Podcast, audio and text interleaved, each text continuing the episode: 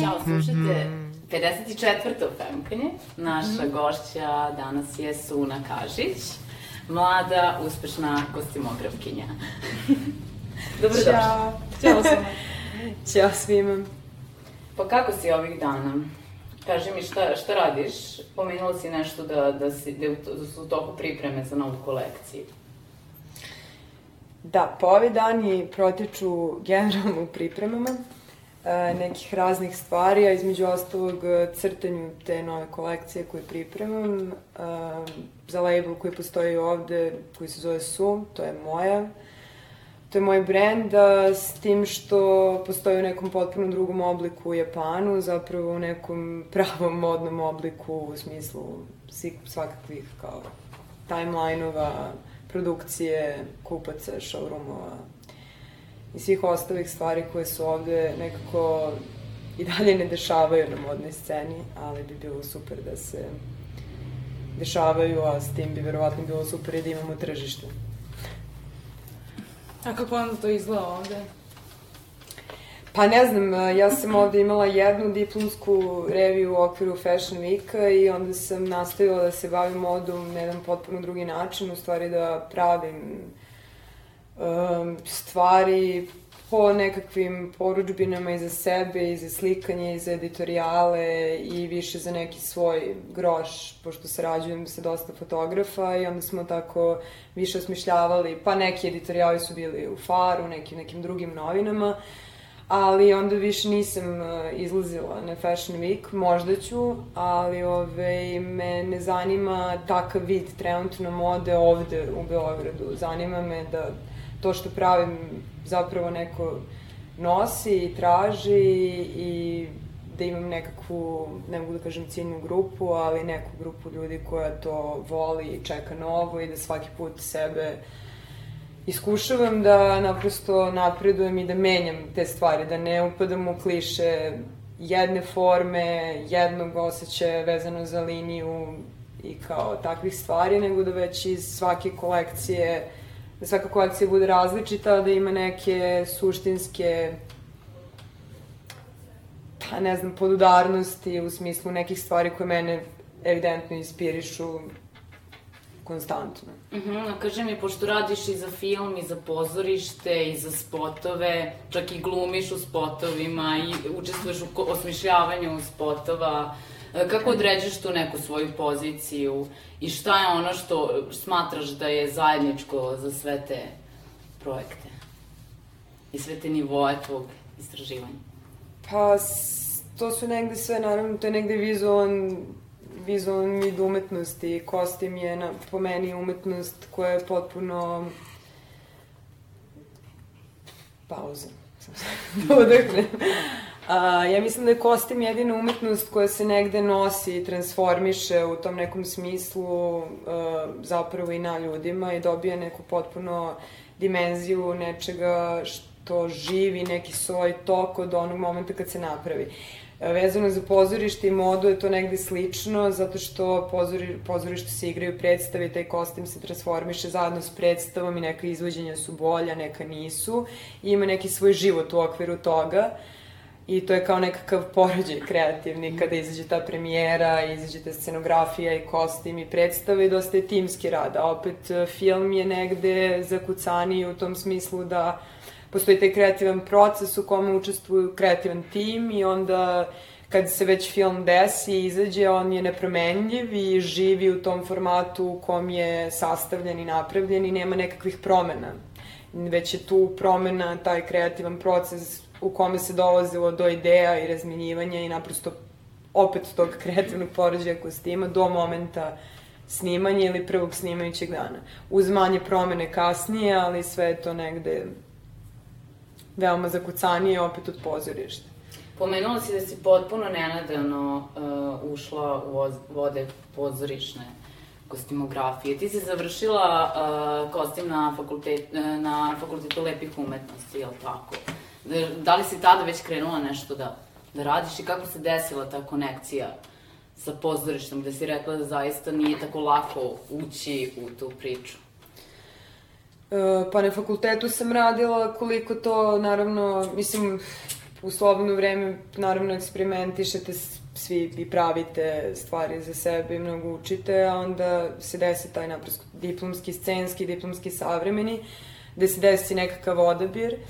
Ove, da ja zapravo nisam i dalje izabrala uopšte, da se ja i dalje bavim i filmom, evo upravo u najavi imam opet dugometražne filmove, a i pozorištem konstantno uporedo s tim, a to su nekako različite stvari zaista i nekako se uglavnom kolegi opredeljuju da su ili filmski radnici ili pozorišni radnici i negde odaberu taj senzibilitet, a mene negde inspiriše da se bavim i jednim i drugim i povezano zapravo i nekakvim sa Zavišićem sam imala uh, iskustvo da radim i nekakvo interaktivno pozorište u smislu da imamo video u predstavama i da to nije samo scena i taj pristup, tako da A, pozorište sam uplivala tako što sam zapravo trebala da asistiram jednoj a, genijalnoj kostimografkinji, ona je iz Slovenije, zove se Mateja Benediti, koja radi u Sloveniji sa Zavišićem.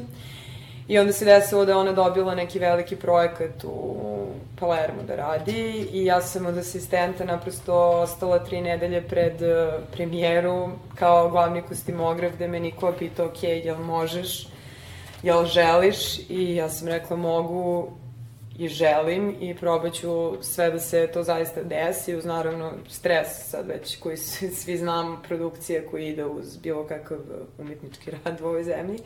I to je moja prva predstava i moja prva predstava je Svojta u Boško Buhi sa Nikolom Zavišićem.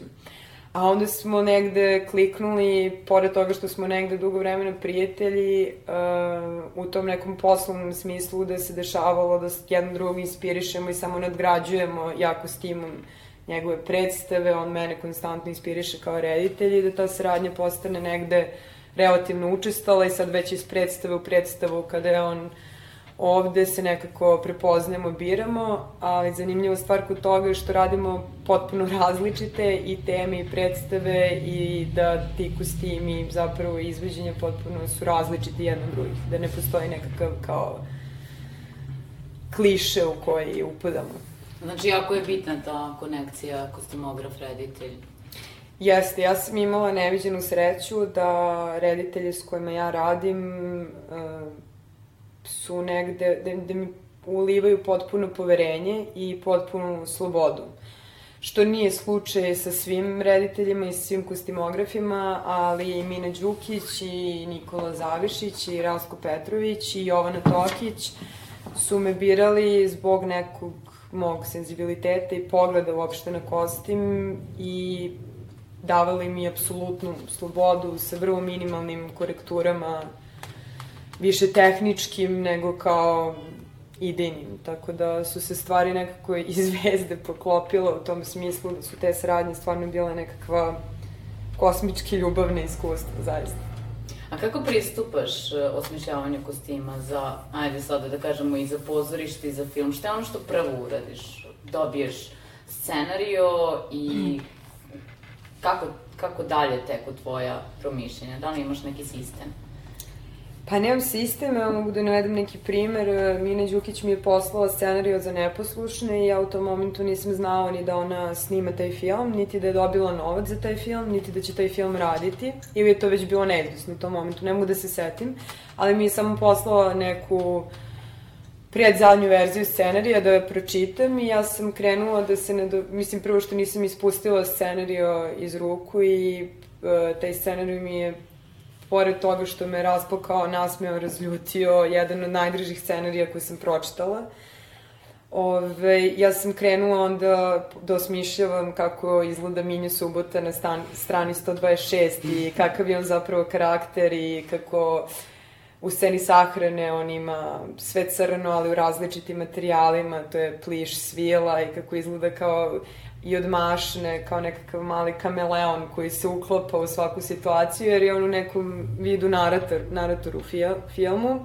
i kako sam krenula da objašnjavam zapravo kroz kostim kako koji lik funkcioniše, ko je Leni, da li njoj ispada dugme pa je zašila pogrešno, gde je ona neposlušna, ja ona u stvari se zaljubila u taj, tu moju interpretaciju toga, a ja sam samo maštala po mojim nekim vizualnim kao idejama kako bi to izgledalo i kako bi kostim funkcionisao i onda mi je ona kroz dve nedelje rekla kao pa ja zapravo snimam moj film i da li bi volao da budeš glavni kostimograf na filmu. Ja sam krenula da vrištim, onda sam se uplašila zato što je to moj njen prvi debitanski film, a meni prvi dugometražni film. I ja nisam imala iskustva sa dugometražnim filmom pre toga uopšte. Ja sam s kratkim formama, ali sa celovečernjim ne.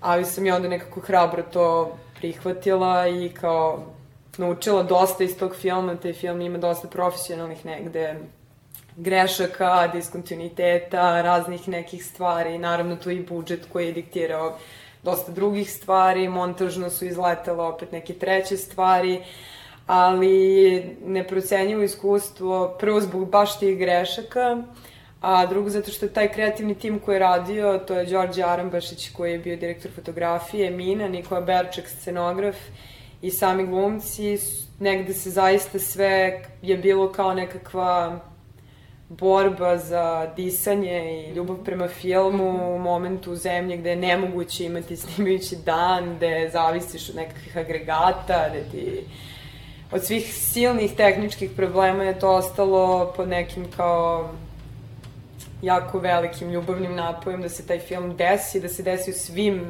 nemogućnostima Ove, I mislim da smo tu zaista uspeli i nekde mi je to u stvari, to putovanje sa svima njima mi je najdraže od svega zapravo. Mm -hmm. Mislim, naravno, film mi je drag. Neizmerno. I sad da se vratimo na Minju subotu, ti si krenula u stvari da zajedno sa njom formiraš te identitete. Koliko da. to često ti se inače dešava i na drugim projektima?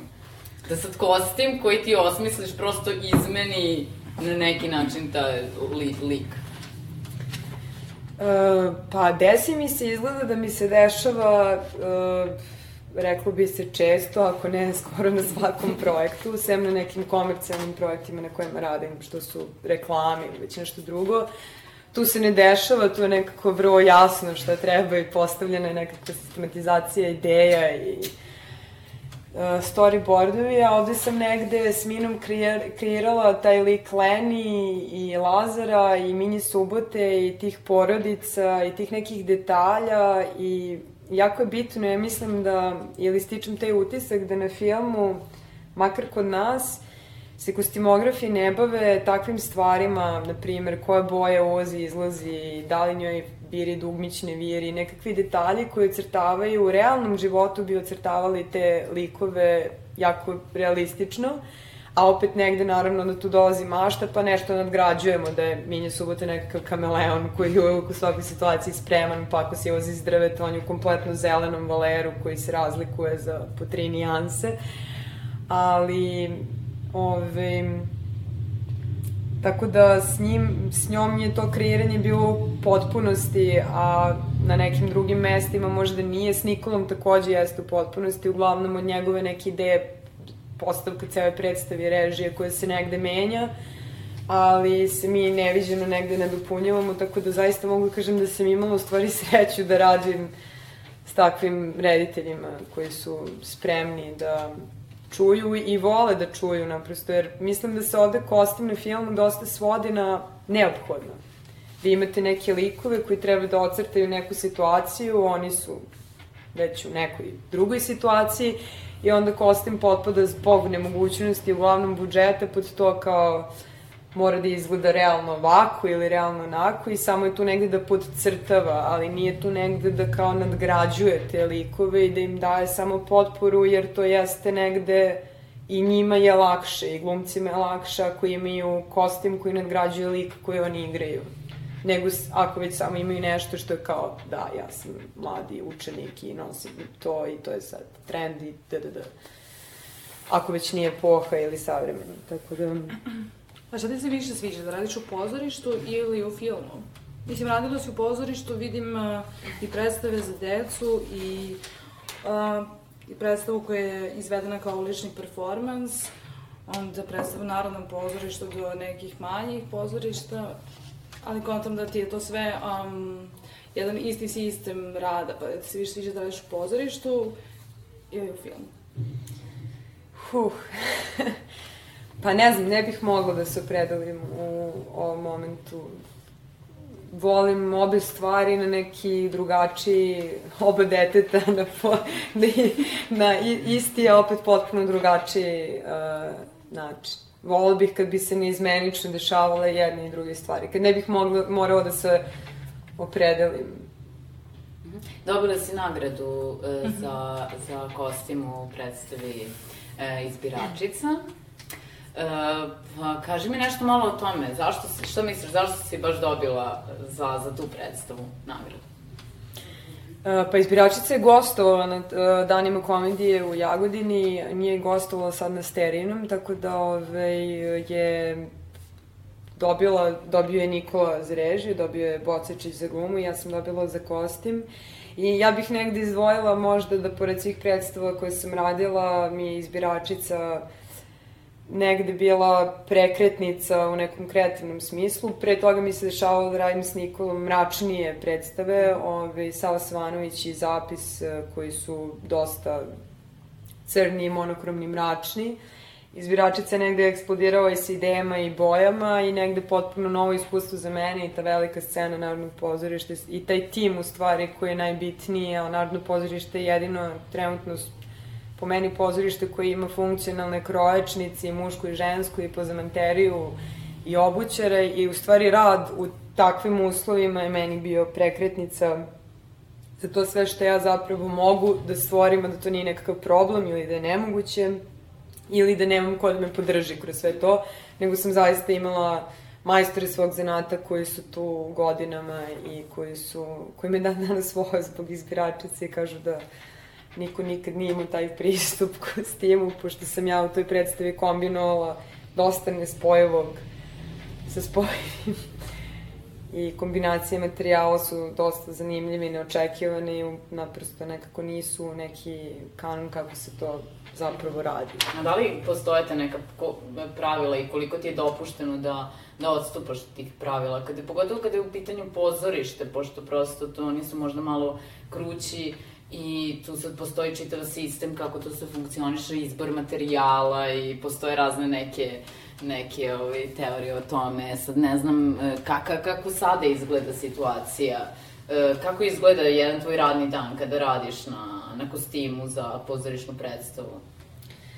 Ti prvo kreneš od skica koje su dosta idilične i uglavnom onako idejno razmašeš se idejno, onda dođeš u tu realnost materijala, prvo nabavke materijala u ovoj zemlji, izborom takvih materijala kojih nema, mogu reći, mnogo, jer mi imamo negde deset prodavnica materijala, što je opet negde obskurno u odnosu na neke druge uslove.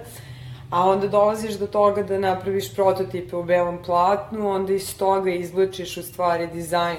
I onda je ceo taj, svaki deo tog kostima je kao neki mali art piece za sebe, u smislu ako je to rukav koji si nacrta, onda na njemu radiš dok ne postigneš tačnu liniju, volumen, stvari koje hoćeš. I onda zapravo kao da kreiraš neko biće od kostima koje je sastavljeno iz gomile delova i sad tu postoje nekakva pravila, naravno u smislu modelovanja, šta može, šta ne može, ali meni je negde jako drago i zanimljivo da to probijam, ali ne na neki način da sad kao pravim uh, jako je bitno da kad se nešto modeluje i kroje, mislim, ja znam da modelujem i krojim, znam negdje da šijem, ali ne šijem, uh, da u stvari tačno poznaješ tu tehniku, koliko nešto možeš da izmodeluješ na neki drugi način, naravno već je sve skoro viđeno i jako je teško da pomeriš neku granicu, jer kao do sada postoji, ne znam, 10 miliona rukava, mislim, lupam sad, ali kao, jako je teško da dođeš negde da stvoriš to neko malo biće od svog rukava koji je različiti, možda liči, ali nije isti, a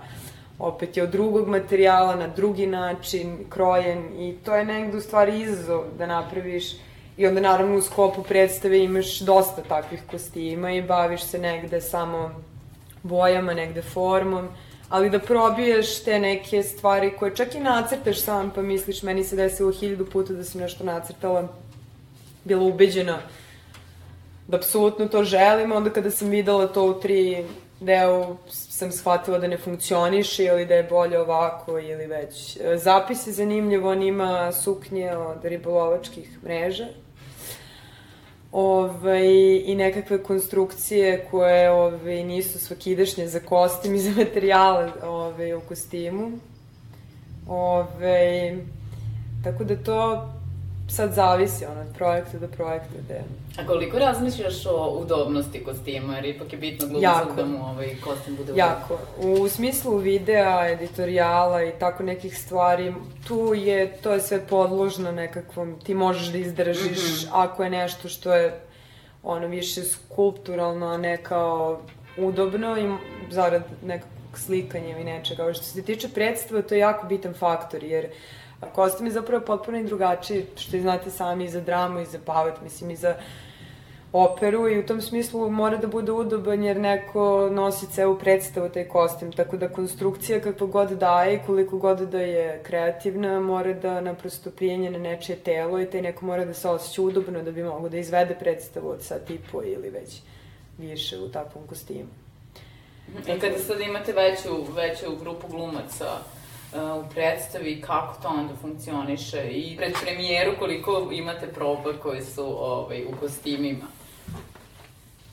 Ove, uh, u kostimima. Pa, uh, uglavnom je prva mereća proba, tu se mere glumci, ako neki nisu izmereni, uglavnom pozorište već imaju sve mere glumaca, zavisi da li rade njihovi krojači ili eksterni krojači, onda kroz to se dešavaju prve u platnu probe, posle prvih proba u platnu idu, idu zatim i kostimske, ne znam koliko ih ima, sve zavisi od toga šta se radi i koliko kostim zahteva probu, a onda se desi prva kostimska i onda se desi druga kostimska, onda se desi, to se uglavnom dešava nelju dana pred premijeru, glumci uglavnom bi trebalo da imaju nelju dana da se uhodaju u kostimu na sceni sa scenografijom za premijeru i onda se dešava već neke minimalne korekture i dešava se premijera, pred premijera pa premijera.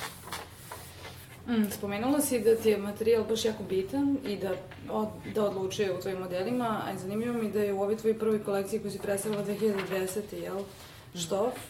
Um, vrlo specifičan izbor materijala, pa me interesuje, um, a da, isto si spomenula da ti se trenutno na sajtu suna.rs da si tu predstavila neke modele koji su iz predstave izbiračica i uh, nove kolekcije. To znači da si u stvari sad mergeovala, spojila si ono što radiš u predstavi, to jest u pozorištu i sa svojim labelom. Uh, pa nisam mergeovala, ali sam negde ovaj, uh, štof, u stvari, ajde da od toga krenem. Uh, štof je moja diplomska predstava koju krenula predstava, bože, diplomska revija koja je krenula potpuno iz neke druge ideje i trebalo da bude nekakvih uh, akvarelnih boja i drugačijih materijala i na kraju se totalno preobratila u jako oštre geometrijske forme od štofa kombinovano sa kosom koja je više tu igrala Sesorez i tu je nakit na toj reviji bio Srđana Matijaševića, mog kolege i saradnika, čiji rad veoma poštujem. To nije. Ove, mm -mm to nije moja, da, tu se ni ne vidi, mislim, to su neki kad... Ali, ovaj, Izbiračicu nisam spojila, izbiračica je samo, zato sam rekla da je preokret, ja sam dosta zapravo dizajnirala više za muškarce nego za žene, iako je moja diplomska revija bila ženska, ali među vremenu modom kojom sam se ja bavila je bila uh, muška. I onda se sa izbiračicom desio taj uh, preokret da sam opet krenula da dizajniram kolekcije za žene. I negde sam nastavila taj u potpuno drugom smeru, ali negde sam nastavila tu inspiraciju sa izbiračice da spajam materijale koji su nespojivi ili već komplikovani za spajanje u nekakvom vidu dizajna za devojke ili žen, žensku populaciju. Mm -hmm. A sad, mi je palo na pamet da te pitam za, za ovaj spot Stray Dog, ko, gde si učestvovala kao kostimografkinja, isto tako i kao glumica. E, vrlo si slično obukle sve te devojke. Slično su po senzibilitetu. Da, uh, koncept uh, spota za Stray Dog je bio da te devojke zapravo liče jedna na drugu u početku uh, toga. Onda nam se naravno desilo, da, mislim, smo shvatili da niko zapravo tu ne liči, ali naravno postoje neke stvari koje liče ove, uh, kod svake devojke jednu drugu, a kostim je trebao, u stvari, idejno je trebalo da u faru koji se smenjivao sa ekspresijama devojka deluje kao da je to zapravo sve vreme možda jedna žena ili više žena u jednoj ženi i zato je kostim negde sličan kontrasan sa pozadinama.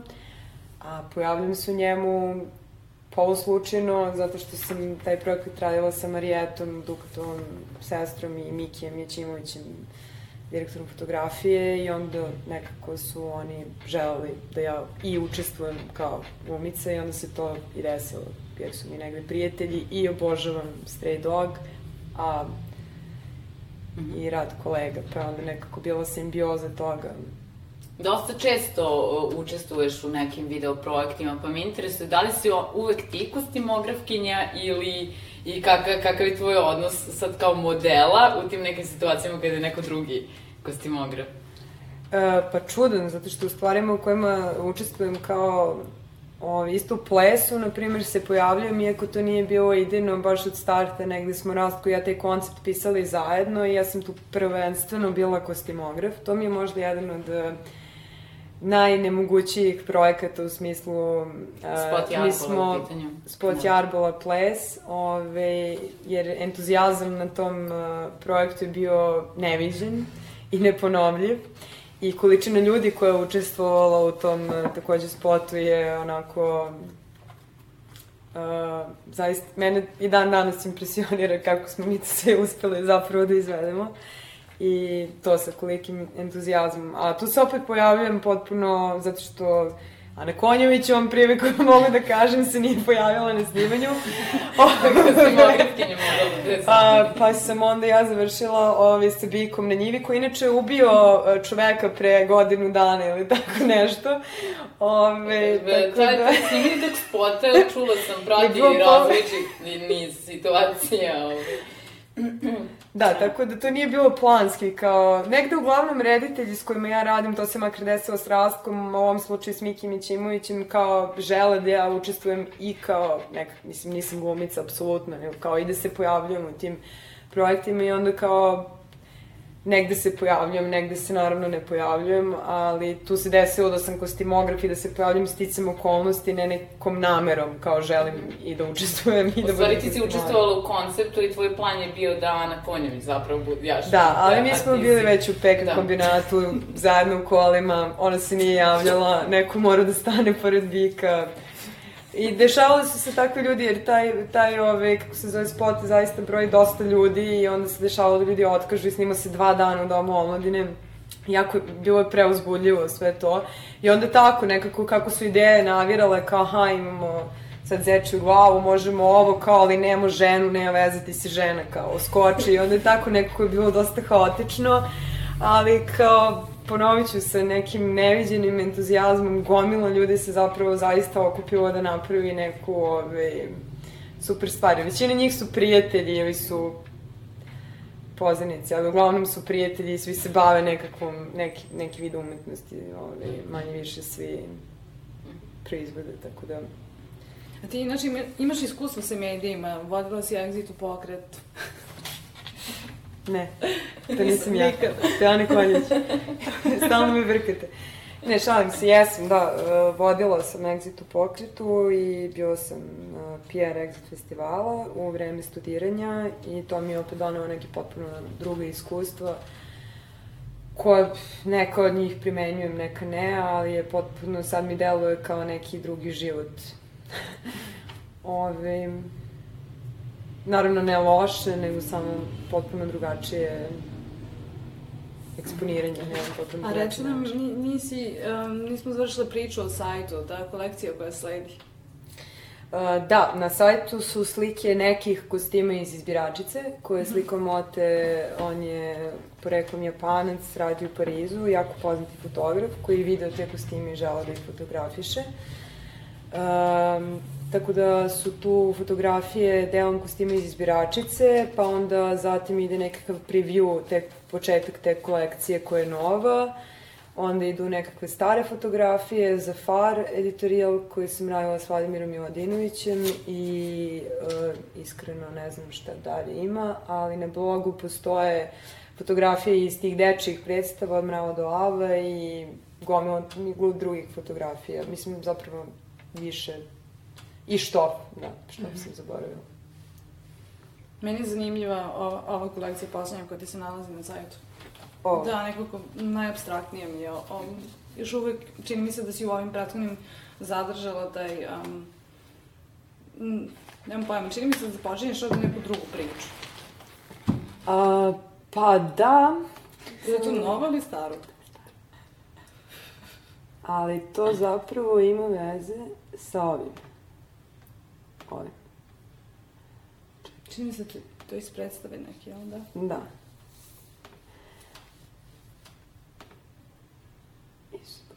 Pominjala si Pariz, Pariz i pominjala si Japan.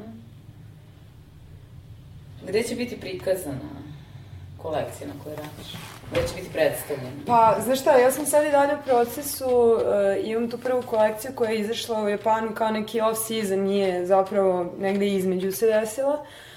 Uh, sticam okolnosti zbog vremena, a sad ovo drugo bi trebalo da bude jesen zima. One uglavnom sad uh, imaju nekakav... Uh, show off tamo u showroomovima i nemaju još uvek revije, ali bi vrlo brzo trebalo da krenu da se dešavaju revije, zavisnosti od mog kontinuiteta u radu i zapravo proizvodnje kolekcije.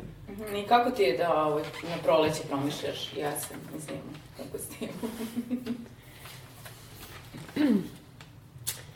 Pa, ideja ove uh, nove kolekcije je da spoji nešto što uh, zapravo bi trebalo da bude kao veze između visoke mode i nečeg užasno multipraktičnog i svakodnevnog. I ideja cele kolekcije da su to... Ne mogu da vam otkrivam takve stvari. Još uvek. da, li, da li će biti vezano za, za godišnje mene, doba? Mene su ili... uvek fascinirale te ogromne haljine koje su za jednu noć i za crveni tepih i uopšte ta jedna kultura, naprosto žena i njeno predivno telo u nečemu što je potpuno, ne mogu da kažem beskorisno, to je jako lepo i ali u nekom svakodnevnom svakodnevnoj primeni nije baš praktično da sad idemo u kaljini koja je se vuče 5 metara za nama. I negde u stvari sad istražujem i crtam tu novu kolekciju da spojim u stvari to nešto što će izgledati kao apsolutno nepraktično, a jako lepo, uz podijemo materijala i uopšte kao nekakve mode koja nije svakodnevna, nego je veoma posebna sa nečim što bi moglo u kroju da bude jako praktično. Tako da me to negde trenutno inspiriše i me tome radi. Ove... A koliko ti često uh, nosiš takav kostim koji nije baš uh, praktičan i kakve su te, koje su to prilike za koje bi trebalo da se obuče jedan takav kostim? Pa znaš šta, to je sad onako triki, triki pitanje, ove, ne, ne, znaš što je isto jako zanimljivo, o, kostim je kao navodno nekakav glamur i nekakav kao, mislim, kostim, jel? Uh, ta treća dimenzija prelepih stvari koje mi stavljamo na sebe kao svakodnevno i u posebnim prilikama i postoje kao neki vid oklopa u sadašnje vreme. Ove,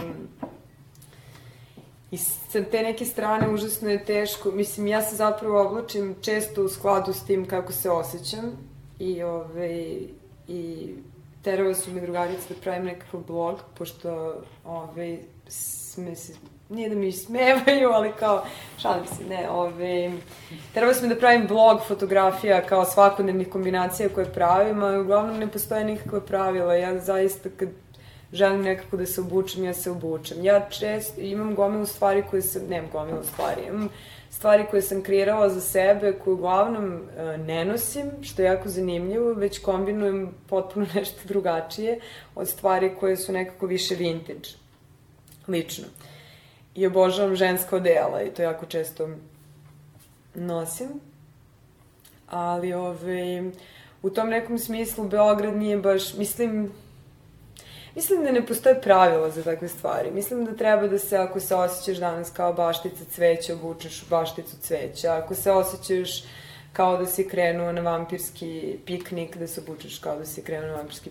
Naprosto mislim da ljudi treba da se nekako... To je makar mogućnost kostima danas, da kombinuješ sam i sklapaš na sebi nekakve delove, jer negde to jeste neka refleksija toga kako se ti danas osjećaš, bez obzira da li si navukao nešto za dva minuta na sebi i morao da izletiš negde zato što žuriš ili već se spremaš za nekakav izlazak Jer mislim da to na kraju su negde veoma slične stvari. A opet ovaj, imamo osjećaj da se u našem okruženju, mislim, ovde u Beogradu i u Srbiji generalno, Baš dosta plaše, da, i podsjeća se to neko kao e, jedumnje u, u oblačenju i vrlo se teško prihvataju bilo kakva istupanja. Sad, naravno, postoje e, naše kolege i prijatelji koji se slobodno oblače, ali mislim, isto tako ta neka većina je dosta ukalupljena, takav imam osjećaj.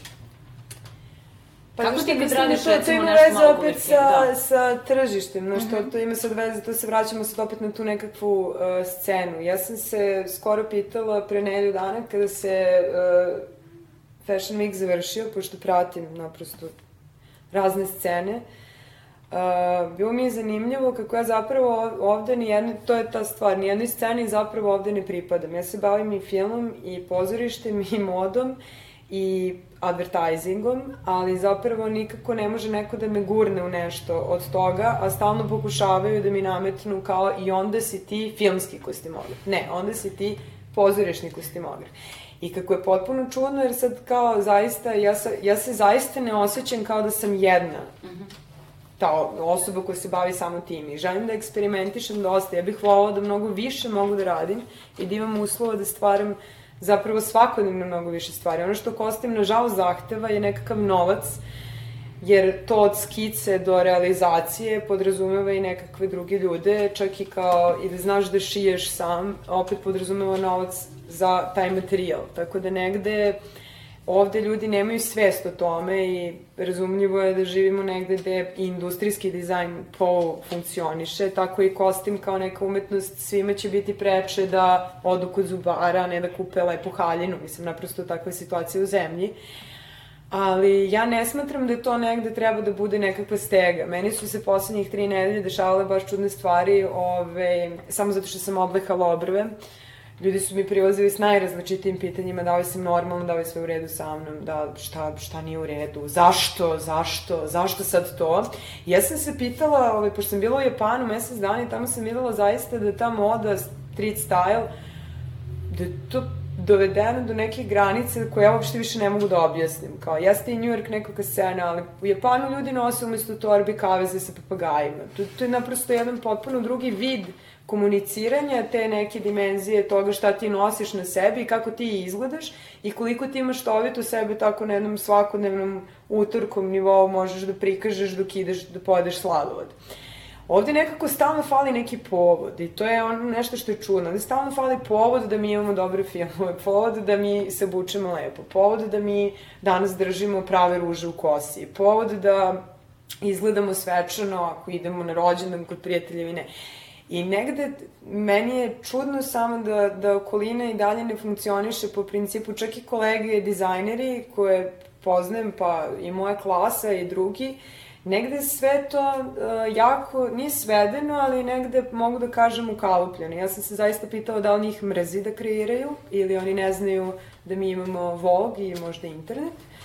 Pa kao znamo šta je Givenchy radio ove sezone ili možda Margela ili već ne znam ko.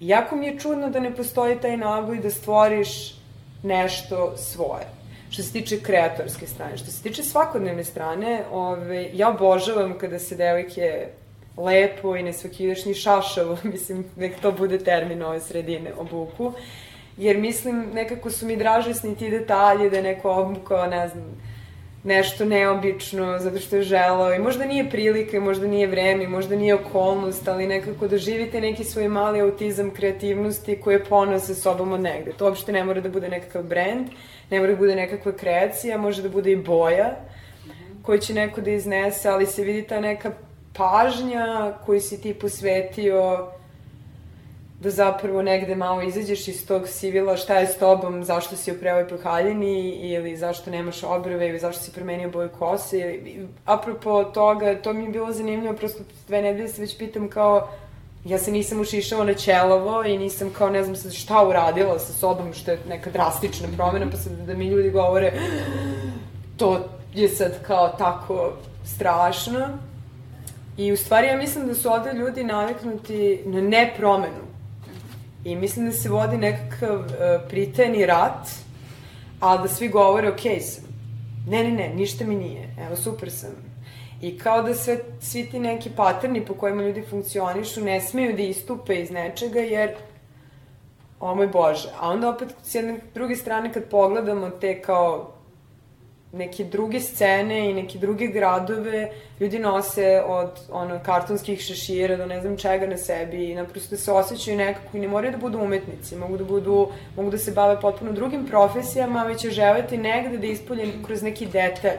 Čak ne mora da bude ni nešto glomazno, kao što je sad svečani kostim za grad. Naprosto, mislim da to ima veze s tim nekim malim kreativnim nabojem koji mislim da ovde se nekako gnjetava, zaista mi nije jasno zašto. Postoji nekolicina i nekakva scena ljudi i svi znamo i ta scena je relativno mala i te ljude srećemo iz kluba u klub, s kafe na kafu, to su isti kafići, isti restorani, isti klubovi, ali želje da to negde probije te neke granice, a ja sam mislila da su ljudi koji su, nazovimo ta scena i taj krug ljudi koji mi srećemo negde ipak malo otvorenije za bilo šta, ali onda nilazim na to da, mislim, i tu dolazimo do tih nekih kao, ali zašto, nemoj, čekaj, stani. Da možda to ima veze i sa hrabrošću, znaš, u ovoj sredini, koja osuđuje tu neku različitost I prosto... Ali, znaš, to je potpuno besmisleno, jer evo ti i ja smo potpuno različite, bavimo se potpuno različitim stvarima, obe imamo riđu kosu, doduše ja sad nemam obrve, Uh, mi ne možemo da izgledamo isto, mi ne možemo da mislimo isto, mi ne možemo ni, i čak i da se obučemo isto, mi to ne bi nosile isto. I potpuno je kao, znaš, besmisleno je da hrabro, mislim da je to samo nekakav strah od promene, jer ne promena je dobra, ti si, isti, to funkcioniše i to je tako i ti si okej okay, i super je. A onda kada se desi bilo kakva i mala promena, čak i šale, kao, promenit ću boju kose, pa da, promenila si, kako je to bilo? uh, Nismo mogli da izbjegnemo kosu. pa, ista stvar, znaš, to je negde tako ljudi reaguju. Zapravo je potpuno, ja volim kada neko nešto promeni, kada neko istupi sa nečim drugačijim. Bilo to u tom momentu možda i pogrešno i ili ne, ne može biti pogrešno ako je promena. Mislim, možeš posle promene svaki put da se vratiš na nešto ili, mislim, to nisu nekakve promene koje podrazumevaju sad, ono, potpuni, ono, kosmos, nego su jako minimalne i Mm, a, mislim, ovo nam je sve potpuno jasno, mislim, ova diskriminacija na osnovu izgleda ili po bilo kom osnovu, mislim, možemo da debatiramo koliko hoćeš. Ali, ali moram da istaknem da su Katarina ja prvi put u Femkani, posle ne znam koliko Femkani došla u moj boji. Šarene, to je neki znak. Uvek smo u crno. Sada sunaju. Kao, Dobro, ima se danas. Da. Mene interesuje šta bi onda za tebe um, bio uspeh uraditi u Srbiji sa ovim okolnostima? Šta bi to, šta, šta bi to volila da izvedeš što još nisi izvala i, smatrala, i to smatrala uspehom? Huh. pa zavisi, ne znam kako bih to sada definisala, zato što, znaš, ni, meni Mislim, meni je skoro rekao mi je Jovan Čirilov kad me je sreo posle baš e, premijera iz Biračice mi je prišao i potpuno me šokirao kad mi je rekao kao pa vi ste mladi, evo imate 27 godina, imate veliku scenu, imate film, imate... I on je potpuno znao šta ja radim. Ja sam bila šokirana, pošto je zapravo zaista negde ne vičem o tome šta radim, da uopšte kao on ima sve te informacije i da to kategoriše kao nekakav uspeh da se ja prvi put susrećem s tim da je to kao uspeh za moje godine, za moju situaciju, za to što ja nisam zaposlena ili već šta je, nego sam freelancer i ovako i onako. Ali ja mislim da je uspeh ovaj, da, potpuno nema veze sa tim nekim, kao ne postoji neki limit, kao želim, ono što ja zapravo želim i što smatram uspehom je da dospem do mogućnosti da mogu da radim onoliko koliko želim da radim u uslovima u kojima bih želela da radim. Mislim da bi to bio najveći uspeh. Mm -hmm. Koliko ti je komplikacija oko nabavke materijala ovaj, utiče na, na kreaciju?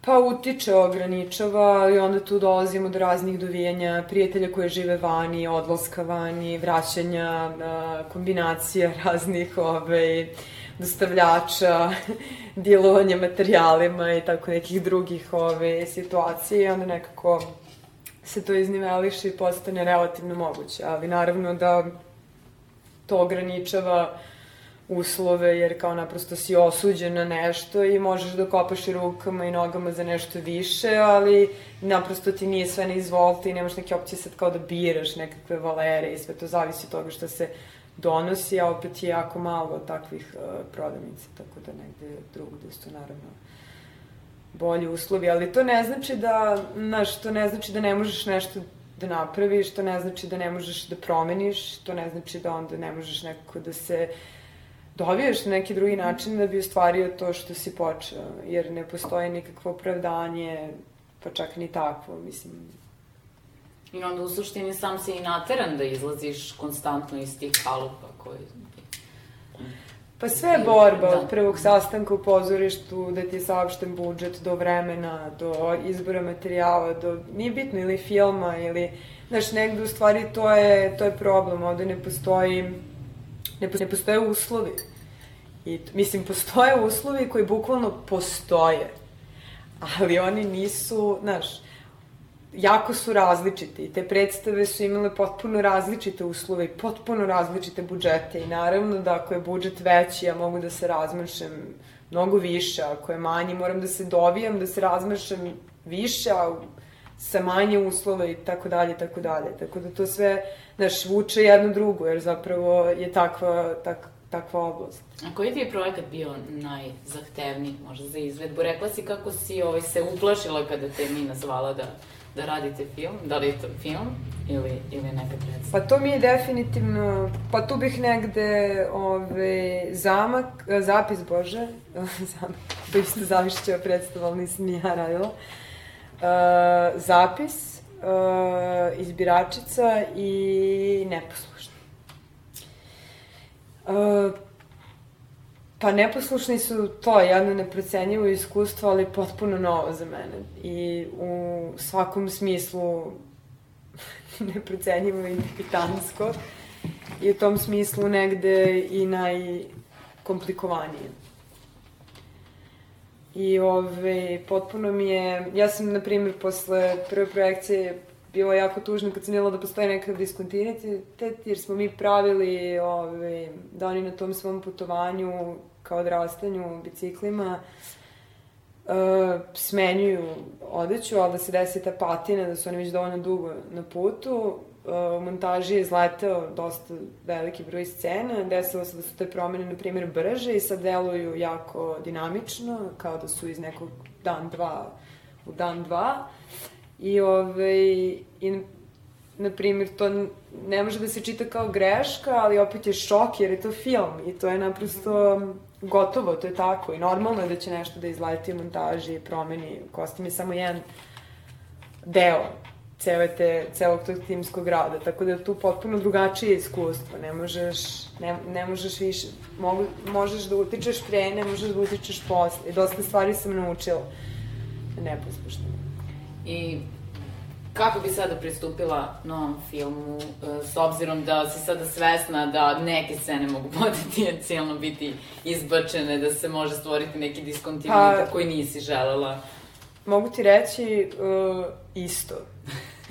Ove, jako sam se pojela zbog toga u startu, a onda zapravo ne postoji ništa što ti konkretno možeš da uradiš. Ti možeš sa, naravno, na jedan isti način, ne isti način, nije nikad isti način jer je drugi film, uh, ali što se tiče takvog kao kontinuiteta tih nekih tehničkih stvari u filmu, ja te greške u neposlušnjima, nazovimo i greške, volim. I sada su mi sastavni deo neposlušnih stvari u tom filmu, koji možda da toga nema, bi bilo eventualno možda ne znam, nešto tačnije i preciznije, ali to ne bi promenilo sam tok tog kostime ili građanje tih likova, tako da svejedno nekako žive u tom filmu i sre, srećeni su mali greškice. Mm.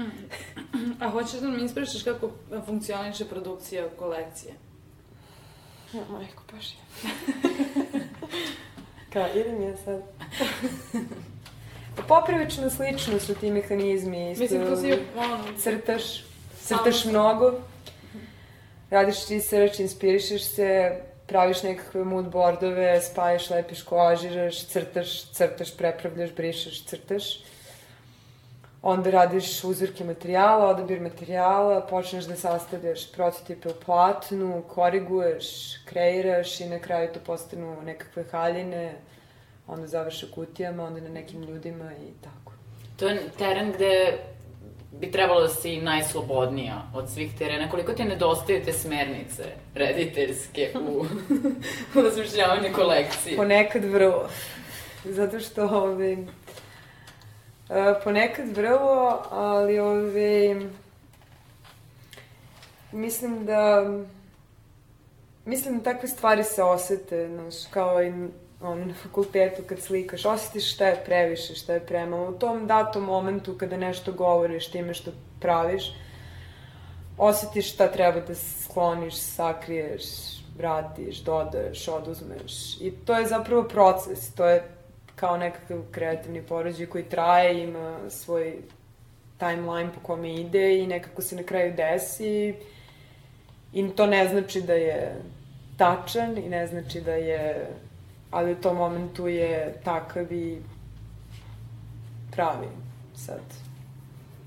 Sad kad me pitaš, znaš, potpuno bi drugačije uradila štof, ali tada je to bilo to i to sam tada dala. Najbitnije je da negde osetiš da sebe zapravo Daješ iskreno. Mm. Ono, a ono što mene interesovalo to kad sam te pitala za, za tvoje kolekcije jeste da ti u stvari imaš tim ljudi sa kojima radiš, imaš određene žene koje ti to šiju i to šiješ u kojoj količini, Mislim, ili to radiš ovde ili to radiš u Japanu? To radim ovde, imam tim ljudi s kojima radim, e, kolekcija trenutno mi broj 15 modela i naručuje se u nekim minimalnim serijama za sada, ove, jer je to kao neki visoka moda, više nego svakodnevna moda okvir. Um, I za sada to proizvodim ovde. To nije moj, moj tim, to su zapravo nekako moji mali saputnici koji sa mnom... To je jako dobro kada imaš neke ljude sa kojima možeš da sarađuješ ovaj, iz projekta u projekat. Uh, kaži mi posao stiliste, radiš i to? Uh, pa radim, radim, uh, sad to radim reklame, radim slikanje za neke advertising stvari, radim i modne stilizacije, modne stilizacije uglavnom pokušavam da kad radim, eh, radim i od nekih, da kombinujem naprosto i tuđe, a i sobstvene neke modele. Tako da, ove, radim, da. A šta ti u najavi?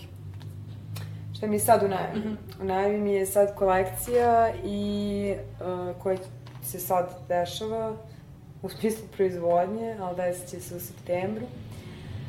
I... Filmovi? To ne smem da otkrivam. I radila si na nekim Ne smem da otkrivam zato što ove, e, trebalo da radim još neke predstave posle Dylan Doga i Kikinde, onda su se stvari nekako menjale u pozorištima i na političkoj sceni. A, tako da, i naravno, budžeti su tu, uglavnom, nema novca za kulturu i to znate već, ove, ali moja dva dobri prijatelji su dobili novac za svoje dugometražne filmove i moji jedni omiljeni reditelji i vidjet ćemo šta će se s tim desiti i kako će to putovanje biti, ali kao što je sve neizvesno u ovoj zemlji, bolje da ne najavljuje ništa, da posle ne bi bilo kao, e, ups. Ovi, Katarina, imaš neko pitanje? Pitamo ovo, klopka pitanje. ne, ne. Ovi put si ti zadužena za klopka pitanje. Pa tu smo već negde oko tog pitanja se vrtimo. Kako vidiš svoju budućnost? Mm -hmm. um, uh, ovo meni mama pitao. A ne psihoanalitičarka. Ove, svoju budućnost, kao... Pa ne znam, vola bih da... Uf, ne znam. Pitanje postoje nekako sve teže i teže.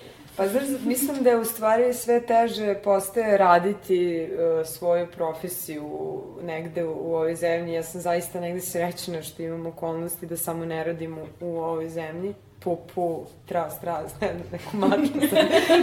Evo imamo ovu sladnu mačku, orla. Orla, sve, tu je mačka.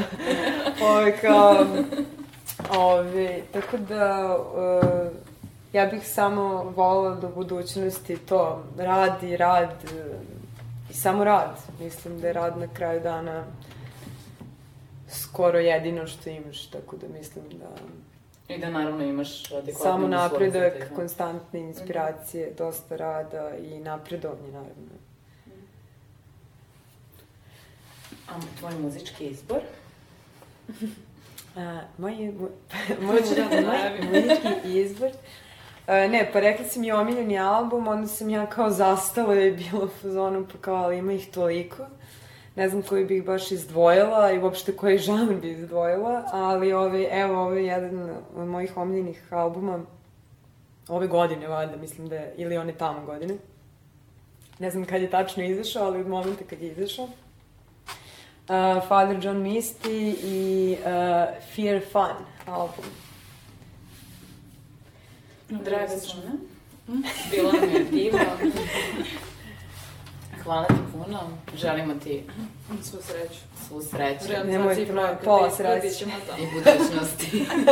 svu sreću u budućnosti. Uh, hvala vam puno i hvala što sam bila vaš gost. I više boje. Više svega. Unela si spontano tu boju. yes. Nesvesno. Ništa, hvala ti puno. Slušali ste 54. Femkanje. Naša gošća je bila Suna Kažević, kostimografkinja. Ćao. Ćao.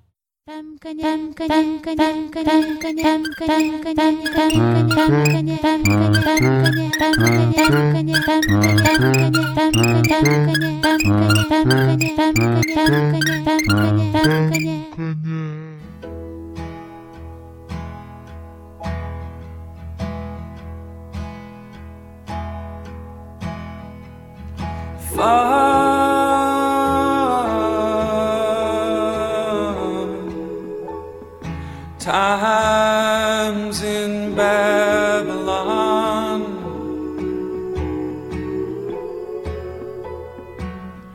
That's what I'm counting on.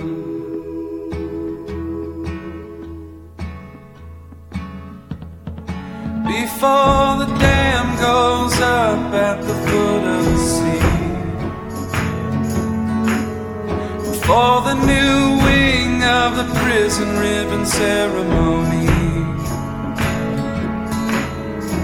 Before the star of the morning comes looking for me. I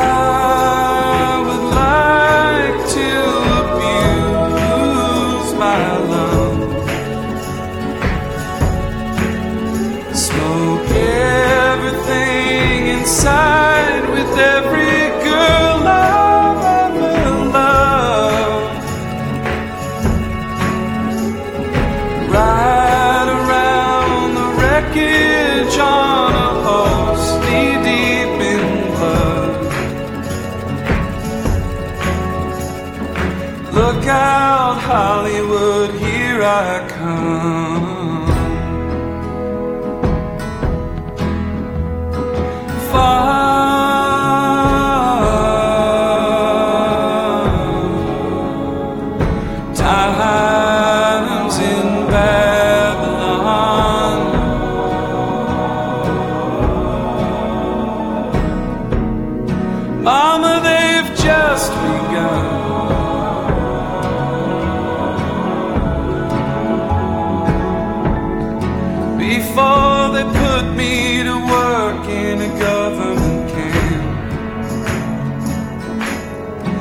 Or they do my face up like a corpse and say, Get up and dance. Before the beast comes looking for last year's rent. I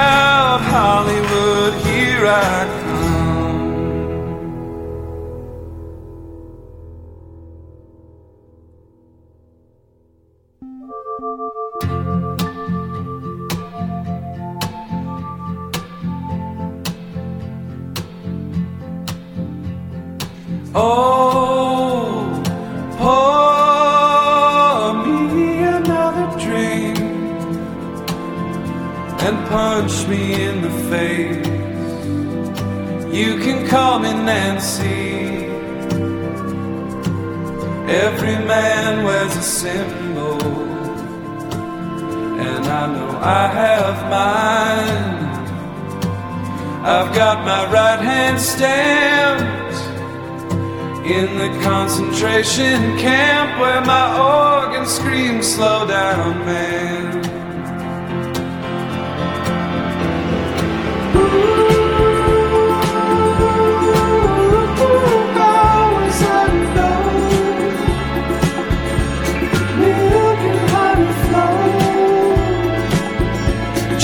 couple states below.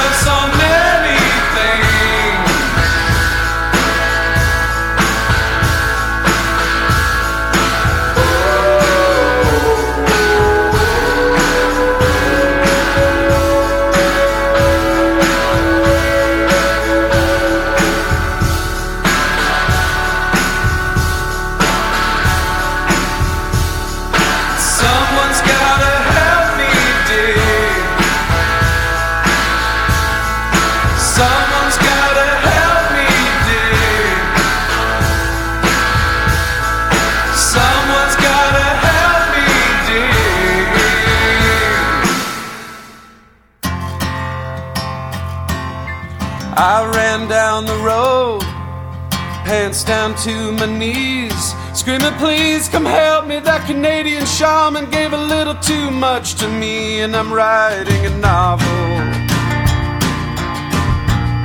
Because it's never been done before.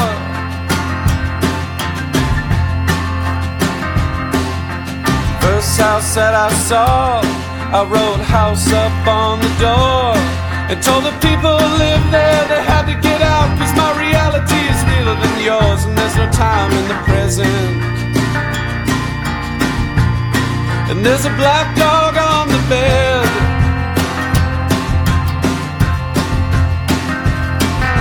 I went to the backyard to burn my only clothes.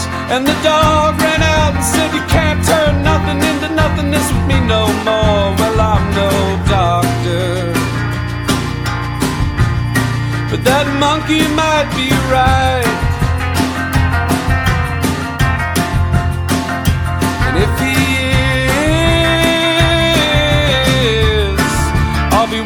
My life.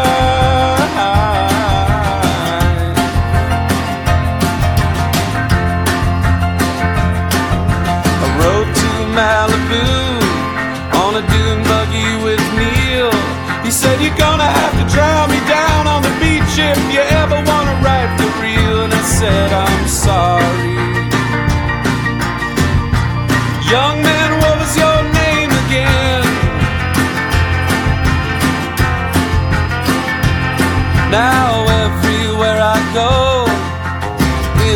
West Hollywood is filled with people pretending they don't see the actress and the actress wishing that they could. We could do ayahuasca.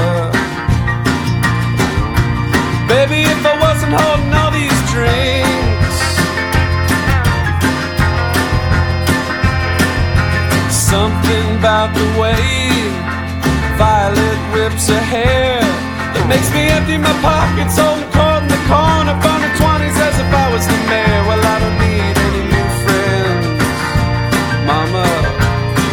but I could really use something to do.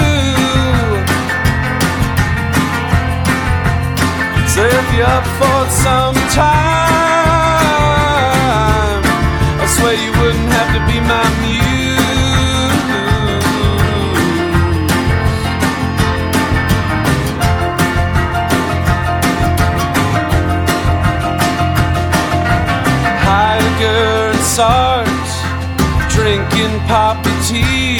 I could have sworn last night I passed out in my van, and now these guys are pouring one for me. I never leave the canyon.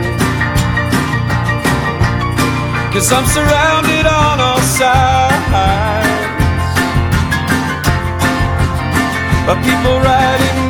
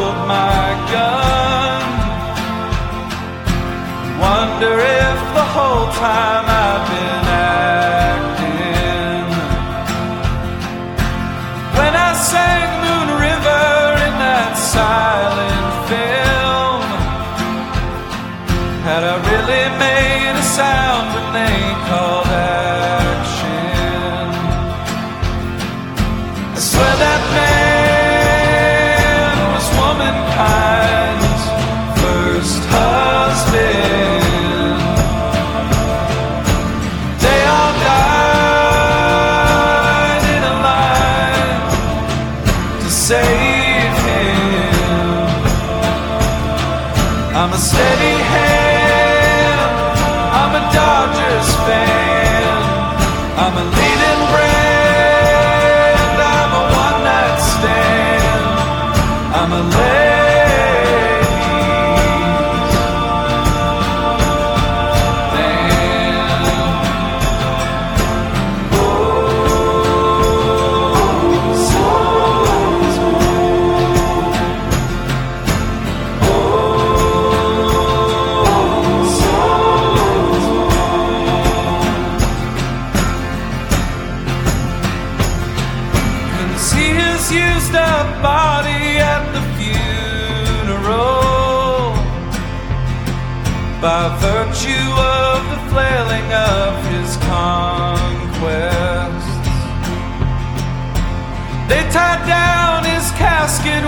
the garter belt. Each troubled heart was beating in a sequin dress.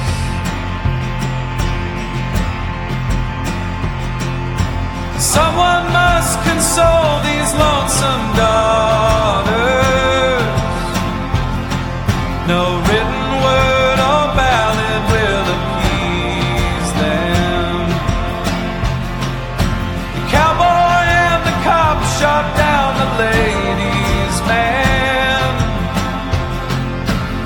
midnights in LA are now.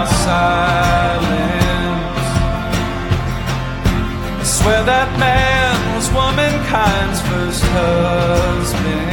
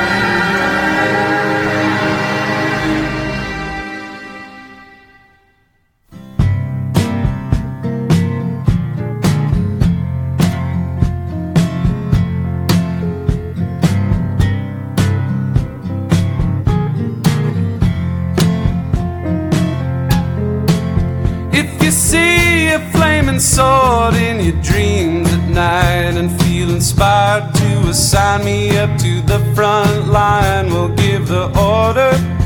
You'll storm the border without me. If they tell you you're a genius but you need some proof, ask anybody on the payroll to go out with you. If they avoid you, then they'll award you definitely. Nobody that's around you seems to get it right. How hard is it to follow just a few guidelines and smile while you do it? If you want a page written about you in the book, but you need a food tester cause you curse the cook, I'll take some wine but you can dine without me. Without me, who would let you play God and make believe that all the blasphemy is coming only from me? Oh, if you're bound die. I can occupy the queen, but that's for her and I. I can do it, and you'll be ruler without me.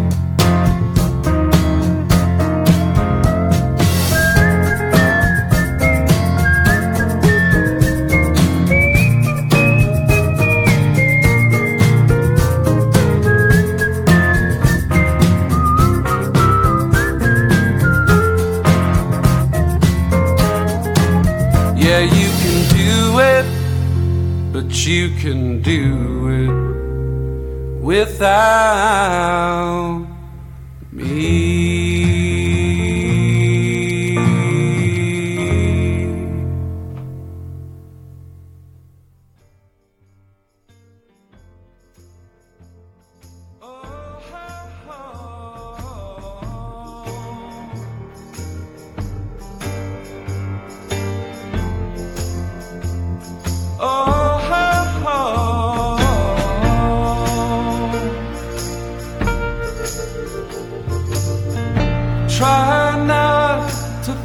so much about the truly staggering amount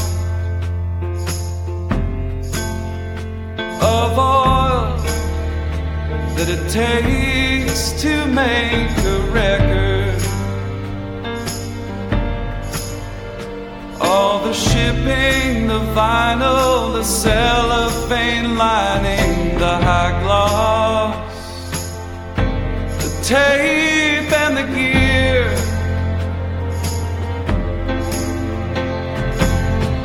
Try not to become too consumed with what's a criminal volume. of oil that it takes to paint a portrait.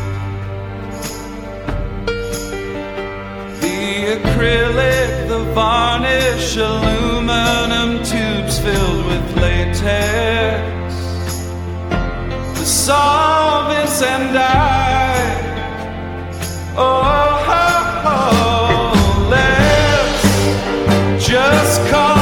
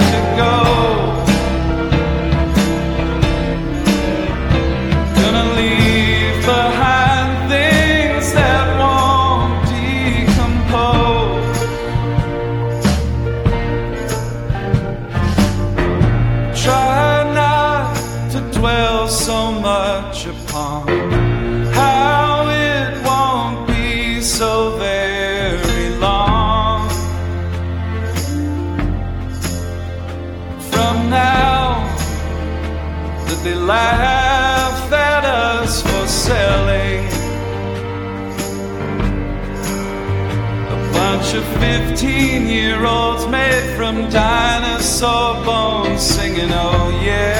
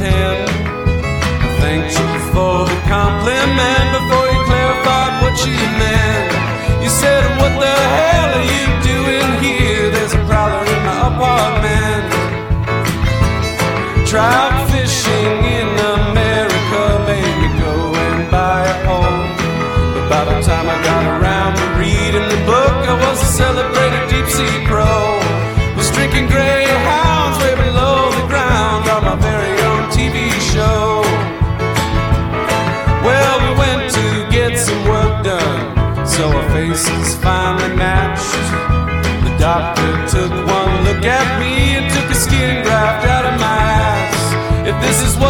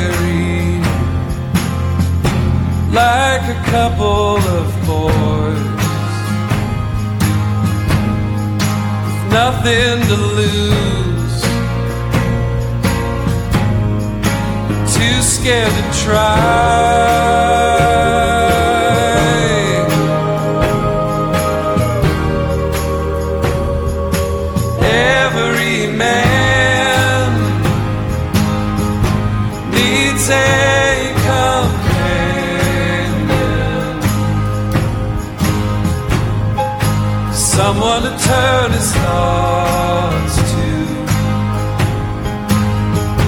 I know